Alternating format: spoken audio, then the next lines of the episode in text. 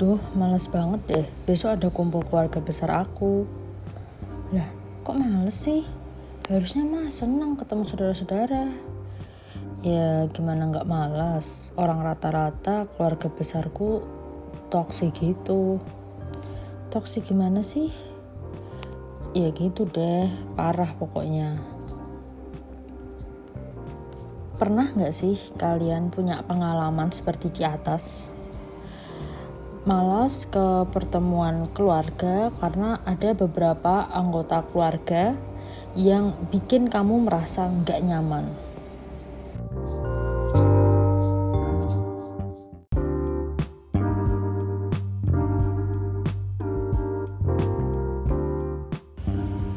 Halo semuanya, kembali lagi di Lavanya Podcast bersama aku Lauren. Lavanya Podcast, Love, Respect, Believe. Nah, um, di episode ke-91 kali ini kita akan berbicara tentang toxic family. Nah, orang-orang pasti kayak kita pasti udah kebanyakan dengar lah ya toxic itu apa karena itu kayaknya apa ya satu kosakata yang gak asing lagi bagi kita gitu mulai dari toxic friends ya kan? Toxic relationship gitu. Nah um, sebelum kita ngobrolin tentang toxic family um, aku di sini akan memberikan sedikit gambaran lah ya. Toxic kosakata toxic itu sebenarnya artinya apa gitu. Jadi toxic itu um, kalau kita bicara arti kata toxic itu sendiri artinya tuh kayak beracun ya atau uh, berbahaya. Tidak apa ya tidak menyenangkan tidak membuat um, seseorang tuh senang atau berada dalam mental state yang bahagia. Pokoknya nggak enak gitu. Artinya negatif lah. Nah terus hmm, toxic ini tuh sering banget dihubungin sama kata-kata um, perilaku gitu. Sama perilaku ya maaf. Jadi perilaku toksik gitu ya. Artinya perilaku toksik perilaku yang membuat orang lain tersinggung sakit hati marah buat nggak nyaman buat orang lain merasa nggak enak gitu. Dan ya intinya perilaku toksik itu perilaku yang negatif gitu. Nah dari sini kita tinggal lihat aja kan. Kalau sini kita ngomongin toxic family tapi ada juga toxic friends ada juga toxic relationship. Ya kan itu ya sebenarnya cuma berbeda di hmm, subjek pelakunya aja sih Hmm, jadi kalau misalnya toxic friends ya berarti teman-teman yang punya perilaku toxic. Terus kalau misalnya um, toxic relationship berarti kita ya terjebak di sebuah hubungan percintaan ya kebanyakan. Yang itu tuh toxic banget yang membuat kita tuh merasa gak nyaman sehingga kita jadi kayak benci sama diri kita sendiri. Karena kayaknya kok kita salah terus dan lain sebagainya Nah sama juga dengan toxic family ini gitu. Jadi toxic family ya berarti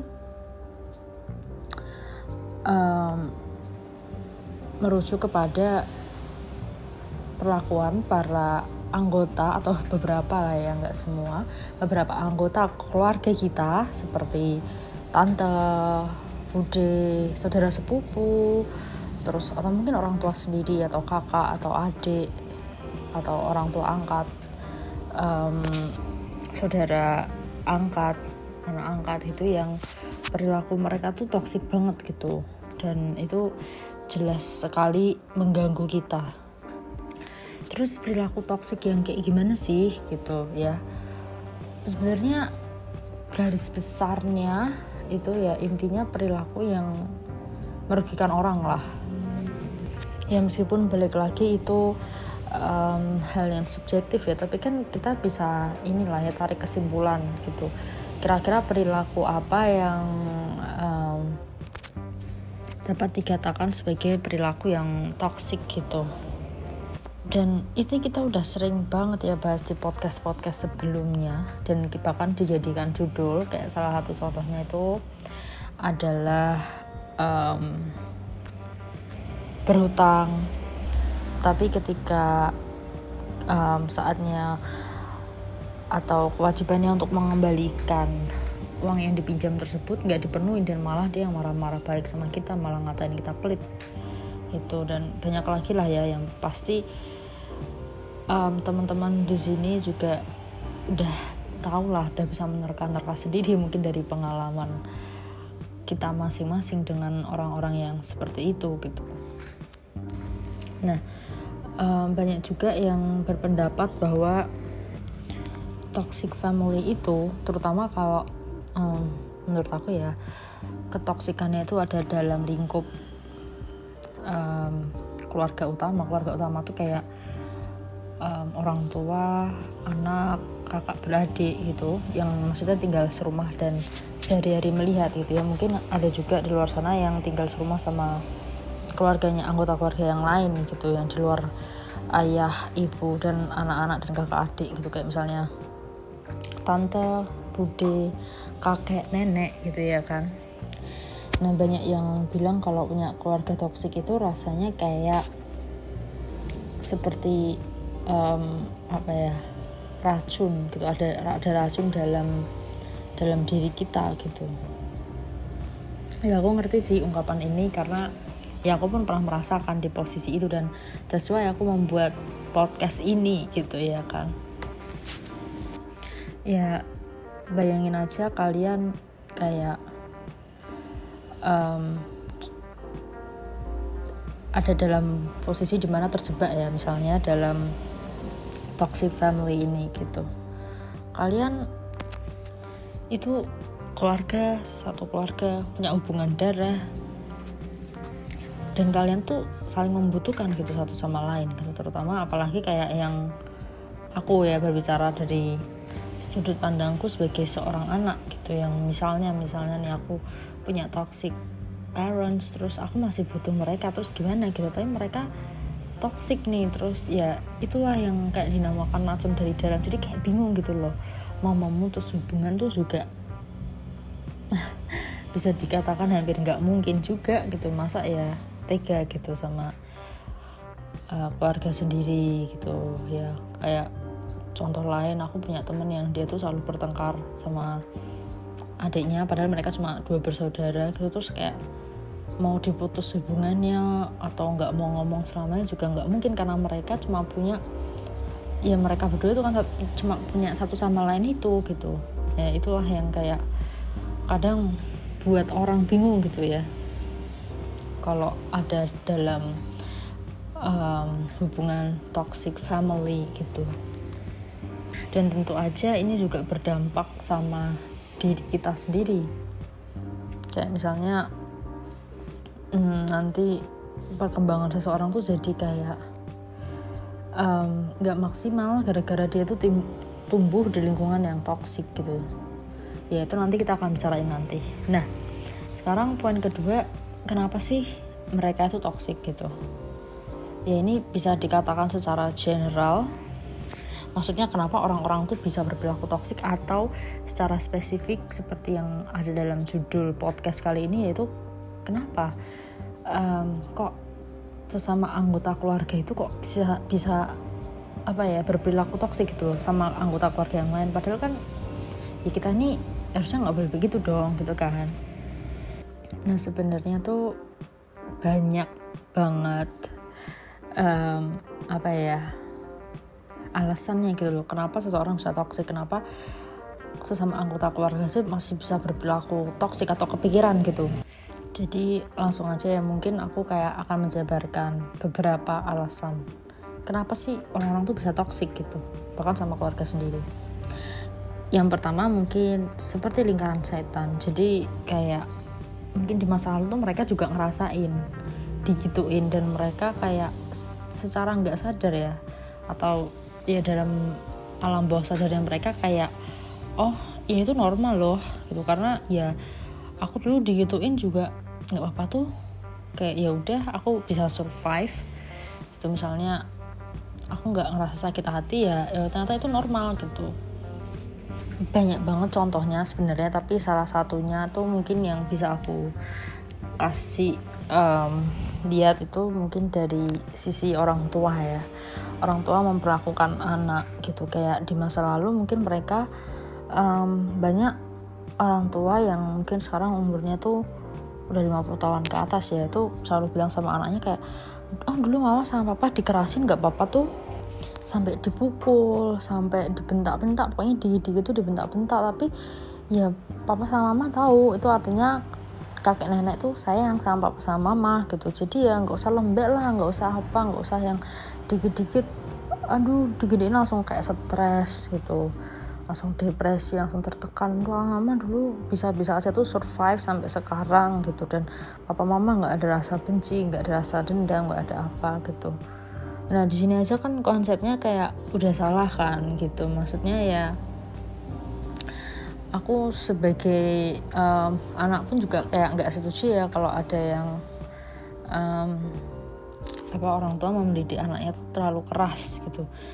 Bolehlah keras sekali-sekali karena kekerasan tuh kadang ya perlu untuk menegaskan gitu loh suatu aturan. Cuma kalau yang kerasnya berlebihan yang sampai kayak cuma dikit-dikit um, apa nada bicaranya langsung tinggi banget apalagi sampai memalukan anak di depan orang lain itu bisa big no sih. Makanya wajar juga kan anak-anak banyak yang merasa kayak kok orang tuaku gini ya? Padahal kalaupun misalnya orang tuanya ngomongnya baik-baik gitu ya. Maksudnya nggak yang sampai gimana gimana apalagi sampai mukul kan mereka juga bakal nurut juga nggak sih gitu loh maksudnya. Jadi ya itu tapi karena ya orang tua tadi tuh mereka ngerasa kayak ya apa ya itu hal yang normal. Dan mereka juga simply mereka nggak tahu ya ini juga hal satu alasan. Mereka nggak tahu ini tuh bener atau salah. Dan itu udah kayak terprogram kayak oh anak tuh harus dikerasin biar jadi misalnya jadi apa tuh eh, nggak lembek dan lain sebagainya. Padahal ya kita tahu sendiri masing-masing anak apalagi sekarang zamannya udah beda. Kayaknya sekarang tuh melek banget ya persoalan mental health. Jadi nggak bisa disamaratakan gitu loh sama di masa lalu gitu. Dan jatuhnya kalau eh, nggak uh, ada understanding di situ antara orang tua dan anak ya jadi kita bisa lihat sendiri kayak hmm, di situ terjadi perilaku yang toksik gitu. Karena menurut anak mereka oh aku dikasarin nih dan orang tuanya juga nggak mau mendengarkan apa yang anaknya mau gitu. Oke okay, terus mungkin yang alasan ketiga ya mereka simply because they don't care about other people around them. Dan ya mungkin kalau aku kasih um, lihat contohnya itu kayak misalnya tante atau bude gitu. Karena aku pun pernah ngerasa ini tuh gitu loh ya kan kayak yang ada di bagian opening tadi gitu.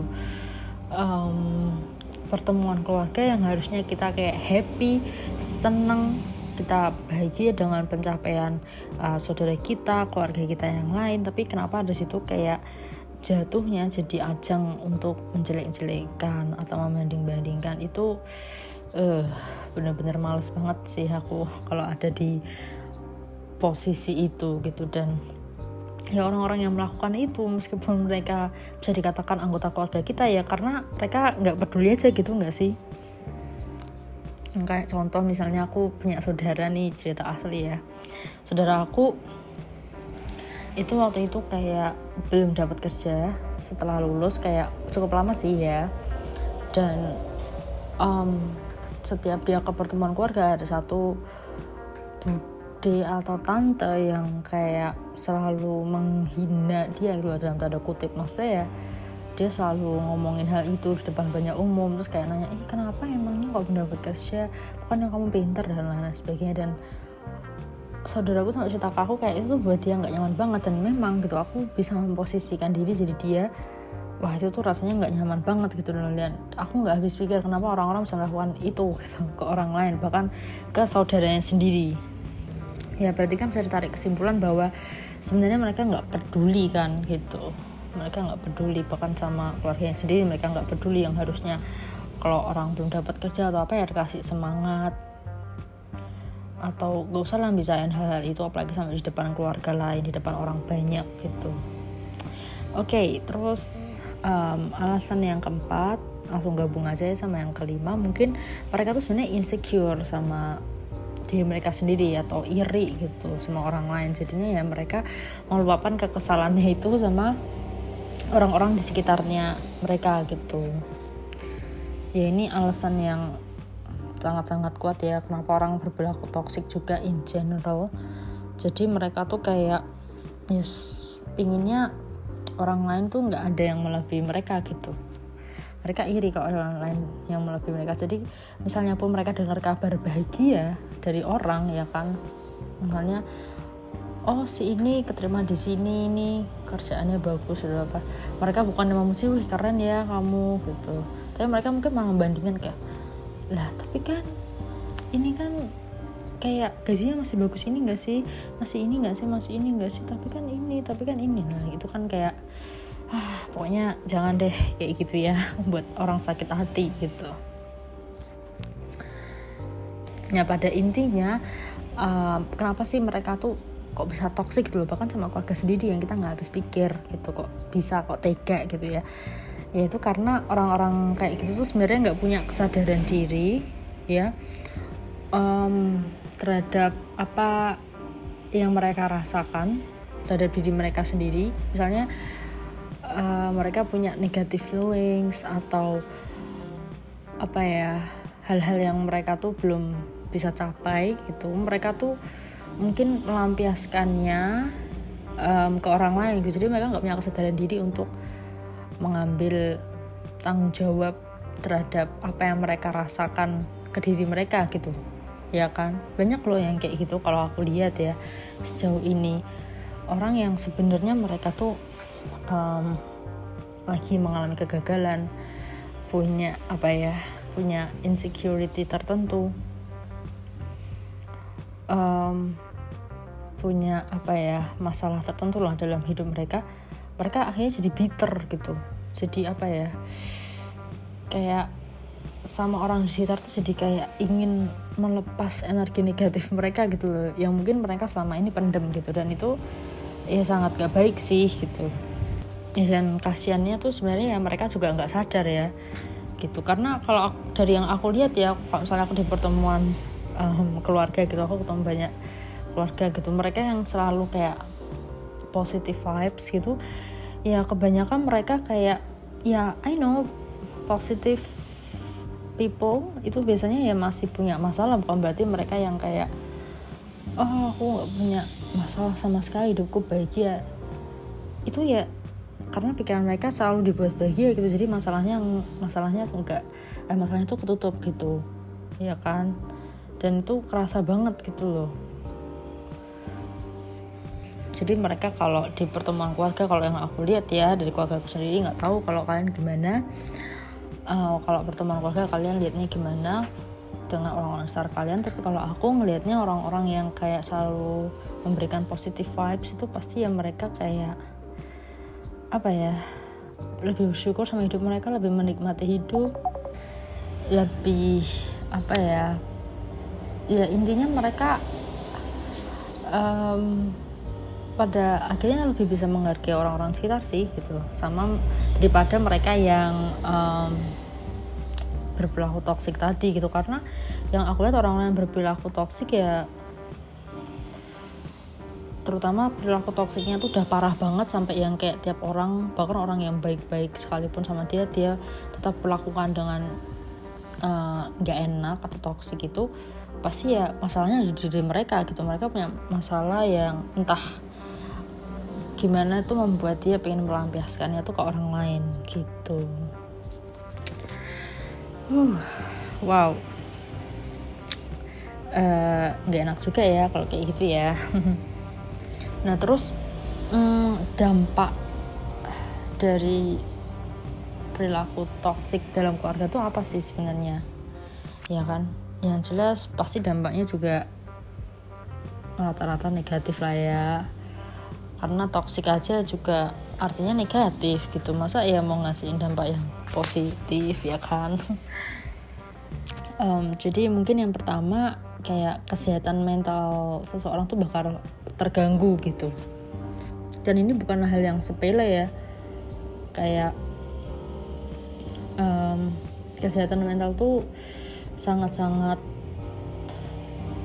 memiliki peran yang luar biasa dalam kehidupan manusia sehari-hari gitu. Kalian bisa bayangin orang yang tinggal dalam keluarga yang toksik atau contoh aja kayak saudaraku tadi. Dia sampai nggak mau ke kumpulan keluarga dia sampai kayak menyendiri. Dia sampai ngapus semua akun sosmednya dia dan lain sebagainya. Dan itu pun nanti akhirnya bakal berpengaruh sama bagaimana dia menjalani hidupnya sehari-hari kan. Kalian nggak mikir kalau misalnya um, kesehatan mental seseorang itu terganggu dia bakal jadi trauma dia keluar rumah aja mungkin takut keluar kamar aja takut. Dia anxiety-nya dia langsung kayak berlebihan dan lain sebagainya. Itu kan uh bener-bener deh. Pokoknya jangan main-main pokoknya kalau sama kesehatan mental seseorang gitu. Nah terus um, dampak yang kedua adalah biasanya mereka yang um, punya masa lalu yang menyakitkan atau trauma dari adanya toxic family atau toxic parents itu biasanya mereka cenderung um, melampiaskan ke hal-hal yang negatif. Ya emang nggak semua sih dan ini tuh agak susah gitu ya kan? Uh, tergantung juga gimana kondisi seseorang itu. Apakah dia dikelilingi oleh orang-orang yang kayak misalnya mendukung dia untuk uh, berperilaku positif kayak misalnya oh daripada kamu stres misalnya mikirin uh, orang tua kamu di rumah atau tante-tante bude-bude kamu saudara-saudara kamu yuk kita mending ngelakuin hal positif kayak misalnya mungkin ikut lomba mungkin belajar hal baru dan lain sebagainya. Tapi gimana kalau enggak ya? Namanya juga orang hilang arah gitu kan kayak apa ya lagi tertekan depresi dia pinginnya apa aja lah. Yang penting aku nggak ngerasain sakit ini. Ya mungkin aja dia malah melampiaskan ke hal-hal yang kurang baik kayak misalnya alkohol narkoba perilaku-perilaku yang pokoknya kayak nggak baik lah buat buat mereka gitu. Dan ini juga kayak dampaknya luas banget ya nggak cuma itu mungkin karena masa lalu mereka dan trauma yang mereka alami mereka jadi kayak um, jadi bingung gitu. Kalau mau memulai hubungan sama seseorang tuh gimana? Mereka nggak punya lagi um, self esteem yang tinggi atau rasa percaya diri yang tinggi ya kan? Terus mereka punya trust issue sama orang lain mereka nggak gampang percaya sama orang lain. Mereka kayak cepet hilang kontrol karena itu bentuk apa ya perilaku mereka untuk mempertahankan diri sih. Karena mereka mungkin dulu udah merasakan rasa sakit trauma gitu. Jadi mereka ingin melindungi dirinya mereka gitu. Jadinya kayak hubungannya sama sahabat sama teman sama pacar sama suami atau istri itu jadi kayak ya berantakan gitu. Karena unfinished trauma gitu. Unfinished trauma mereka gitu ya ternyata dampaknya luas banget ya gitu. Intinya membuat seseorang tuh nggak nggak bisa berkembang lah ya gitu. Nah terus gimana sih cara um, kita mengatasi ya mengatasi hubungan-hubungan toksik dalam keluarga ini gitu? Sebenarnya uh, banyak cara sih gitu. Cara yang pertama mungkin kalau misalnya kita punya toxic parents atau yang tinggal sehari-hari sama kita lah ya intinya dalam rumah. Itu ya kita bisa mungkin coba komunikasikan aja kali ya. Karena kan kita setiap hari melihat mereka nggak enak juga kan kalau misalnya kita diem-dieman atau musuhan kayaknya sangat gak mungkin gitu loh. Yang ada malah kita misalnya sebagai anak gitu ya pinginnya keluar sedih rumah gitu dan dan itu kan malah lebih bahaya. Ya kalau misalnya kita um, ngekos di tempat yang baik maksudnya yang lingkungannya baik gimana kalau enggak gitu? Gimana kalau kabur-kaburan nggak jelas gitu? Ya butuh komunikasi sih di situ ya memberanikan diri. Dan susahnya lagi kalau misalnya gimana orang tuanya. Itu nggak bisa komunikasi ya mau nggak mau kita butuh bantuan dari um, para profesional gitu. Ya kayak misalnya psikolog atau bahkan psikiater gitu. Dan kalau misalnya kita ngalamin toxic family sama tante sama budi kita yang jarang ketemu sebenarnya itu ya aku nggak bilang lebih gampang juga sih ya sama susahnya ya kan. Karena kita kan mau nggak mau harus misalnya setahun berapa kali sebulan aja bisa sekali kan bertemu gitu untuk silaturahmi gitu ya. Ya dianggap aja angin lalu ya meskipun agak susah juga sih gitu. Terus mungkin cara yang kedua kita coba kayak hmm, nggak hmm, peduli sama mereka gitu. Tapi ini aku nggak sarankan buat ya keluarga yang tinggal satu rumah gitu ya. Maksudnya yang satu rumah tapi kayak ada masalah itu kayaknya nggak enak banget itu aku aja pernah ada di posisi yang punya masalah sama seseorang dalam keluargaku tapi kita nggak tinggal satu rumah itu aja tetap nggak enak rasanya ngerti kan? Kayak ya at the end of the day aku harus communicate itu gitu sama dia supaya masalah ini selesai gitu.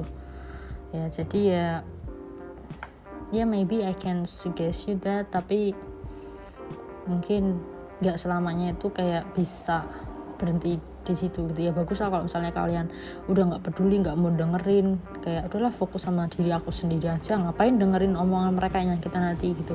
Dan itu berhenti sendiri ya it's okay. Tapi kalau enggak ya ya sama aja gitu. Dan yang terakhir mungkin ya kita bisa terus mencoba jadi orang yang baik dan lebih baik dari berikutnya. Um, jadi kita mungkin um, apa ya punya perspektif baru gitu. Kayak misalnya ketika kita disakitin sama orang yang memang toxic gitu ya atau mungkin mereka personally merasa apa ya nggak suka aja gitu sama kita kita jadi bisa kayak ngelihat kan dari sisi lain oh ternyata ketika aku memperlakukan seorang dengan tidak baik itu rasanya nggak enak banget gitu. Karena kita ada di posisi itu gitu ya itu jadi um, apa ya pengingat buat kita aja supaya kalau misalnya pun kita kita boleh gitu nggak suka sama seseorang mungkin karena eh dia udah parah banget ya gini-gini tapi ya mungkin caranya lah ya gitu jangan jangan yang kayak apa misalnya marah-marahin dia atau melakukan hal-hal yang pokoknya nggak enak banget tapi lebih kayak ke apa ya lebih calm gitu. Kalau aku bilang sih ya kayak elegan aja gitu. Ya udah kalau misalnya nggak suka menjauh aja lah. Tapi nggak usah sampai yang um, perilaku toksik kayak sampai misalnya ah oh, aku nggak suka sama dia nih. Semua orang harus nggak suka sama dia. Aku harus bilang sama ini tentang kejelekannya dia. Jangan gitu. Karena balik lagi ya hidup itu emang susah say. Dan nggak semua orang bakal cocok sama kita gitu. Jadi kayak daripada kalian nambah-nambahin masalah oh aku pingin buat semua orang gak suka sama dia karena aku lagi musuhan sama dia gitu. Ya nggak usah lah mending di dimin aja. Pokoknya ya apa ya berusaha legowo dan jadi orang jadi orang lebih baik lagi gitu daripada sebelumnya. Gitu. Nah terus um, kadang tuh aku tuh juga bingung ya. Toxic friends pasti ada lah ya. Toxic person banyak. Ya mungkin gak kita kenal semua atau gak kita temuin tapi mungkin kita juga bisa lihat sendiri kan kayak orang di media bertengkar terus kita jadi bisa nilai oh ini yang toxic yang mana? Oh ini yang benar yang mana? Gitu. Tapi meskipun itu nggak 100% benar toxic relationship juga ada tapi yang buat aku bingung dari toxic family ini tuh kayak apa ya kayak aku kayak nggak nyangka gitu. Ternyata bahkan sesama keluarga pun tuh bisa loh kita punya hubungan yang toksik gitu. Dan aku nggak nyangkanya tuh kok bisa karena kan kita satu darah gitu. Dan aku pasti punya ekspektasi lebih dong ke anggota keluarga kita karena kita satu darah gitu loh. Kayak misalnya contohnya waktu saudara aku bertengkar karena ya bukan bertengkar ya kayak di di ejek-ejek disindir-sindir karena dia nggak dapat kerja belum dapat kerja. Itu tuh jujur aku juga kepikiran loh kayak kok bisa ya gitu. Kan kita satu keluarga kalau misalnya keluarga kita ada yang gagal nggak dapat kerja atau apa harusnya kita mendoakan lah.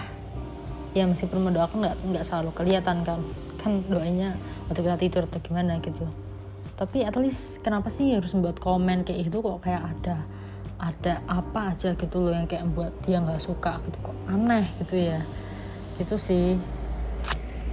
Yang mengagetkannya tuh buat aku karena ya aku berpikir harusnya sama keluarga kita harusnya lebih solid gitu loh. Dan harusnya nggak ada lah toksik toksikan kayak gini. Tapi ya gimana ya namanya juga tadi ya manusia macam-macam juga yang nggak menjamin juga sih sebenarnya kalau kita uh, misalnya ada hubungan darah kita apa ya um, bisa berperilaku baik gitu. Atau mereka bisa berperilaku baik ke kita gitu nggak menjamin juga gitu. Nah itu kurang lebih udah hampir setengah jam loh kita bicara tentang toxic family. Uh nggak terasa ya um, lumayan seru sih kalau menurutku bicara toxic family ini nggak ada habisnya gitu. Uh, makasih banget buat kalian yang udah dengerin sampai sejauh ini. Dan gue harap kalian terus dengerin sampai segmen terakhir karena di segmen terakhir kita bakal ada kesimpulan. Terus dengerin di Lavanya Podcast ya.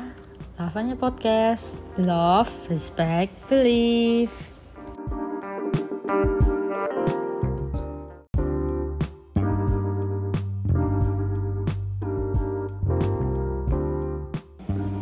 Halo semuanya, kembali lagi di Lavanya Podcast bersama aku Loren Lavanya Podcast, Love, Respect, Believe. Wah, nggak terasa kita udah sampai di segmen terakhir yaitu kesimpulan. Nah, um, kalau gitu langsung aja ya.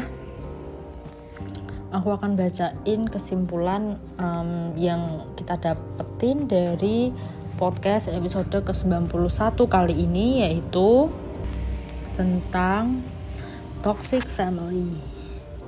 Oke, jadi kesimpulan yang pertama adalah toxic family adalah mereka um, yang merupakan bagian dari anggota keluarga kita, tetapi ternyata mereka bisa loh melakukan tindakan-tindakan toksik yang merugikan atau menyakiti hati kita ya. Jadi ya sama seperti toxic friends toxic relationship dan toxic-toxic yang lain yang membedakan tuh cuma subjeknya aja gitu. Siapa kepada siapa gitu ya. Tapi pada intinya ya mereka berlaku toksik gitu aja. Gitu dan kesimpulan kedua adalah banyak faktor sih kenapa orang-orang itu berperilaku toksik ya. Salah satunya itu adalah ketidaktahuan dan ketidakpedulian mereka gitu. Ya meskipun ketidaktahuan dan tidak peduli itu kayak sekatnya tuh tipis banget sampai kita nggak tahu nih orang sebenarnya nggak tahu apa nggak peduli sih gitu ya kan.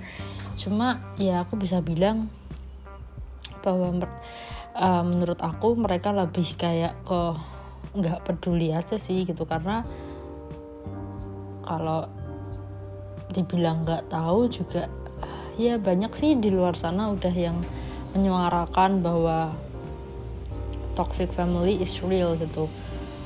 Ya maksudnya nggak cuma dalam hal kayak toxic parenting toxic parents tapi kayak misalnya kita ke pertemuan keluarga besar ya kan kayak banyak tuh video-video di TikTok di Instagram yang kayak mereka tuh nyindir tante-tante sama bude-bude yang kalau pertemuan keluarga tuh mereka ngomongnya kayak nggak apa ya nggak enak gitu loh kalau didengar gitu. Bahkan aku pernah lihat salah satu video di YouTube tuh kayaknya iklan deh iklan orang Thailand apa ya aku aku lupa. Maaf banget kalau aku mungkin salah tapi aku aku punya uh, dulu aku sempat nge-save videonya dan ya itu. Jadi kayak ada pertemuan keluarga dan apa ya tante-tante bude-bude paman-paman om-om ini tuh waduh omongannya nggak enak banget gitu loh ya kan? Jadi ya harusnya dengan apalagi sekarang kayaknya teknologi itu udah canggih banget. Jadi kayak pasti bisa lah dilihat video-video atau apa ya gambaran-gambaran yang menggambarkan toxic family itu. Jadi harusnya mereka tahu kalau ada beberapa hal yang sifatnya itu kayak privasi dan itu kalau dilanggar tuh bikin seseorang rasa nggak nyaman gitu loh. Ya kan kayak sampai nanya-nanya kenapa belum punya anak? Kenapa? Kenapa? Kenapa? Ya balik lagi mungkin di luar sana dia berpikiran ah, itu kan pertanyaan yang biasa gitu loh. Cuma ya ya mungkin hal ini subjektif lah ya.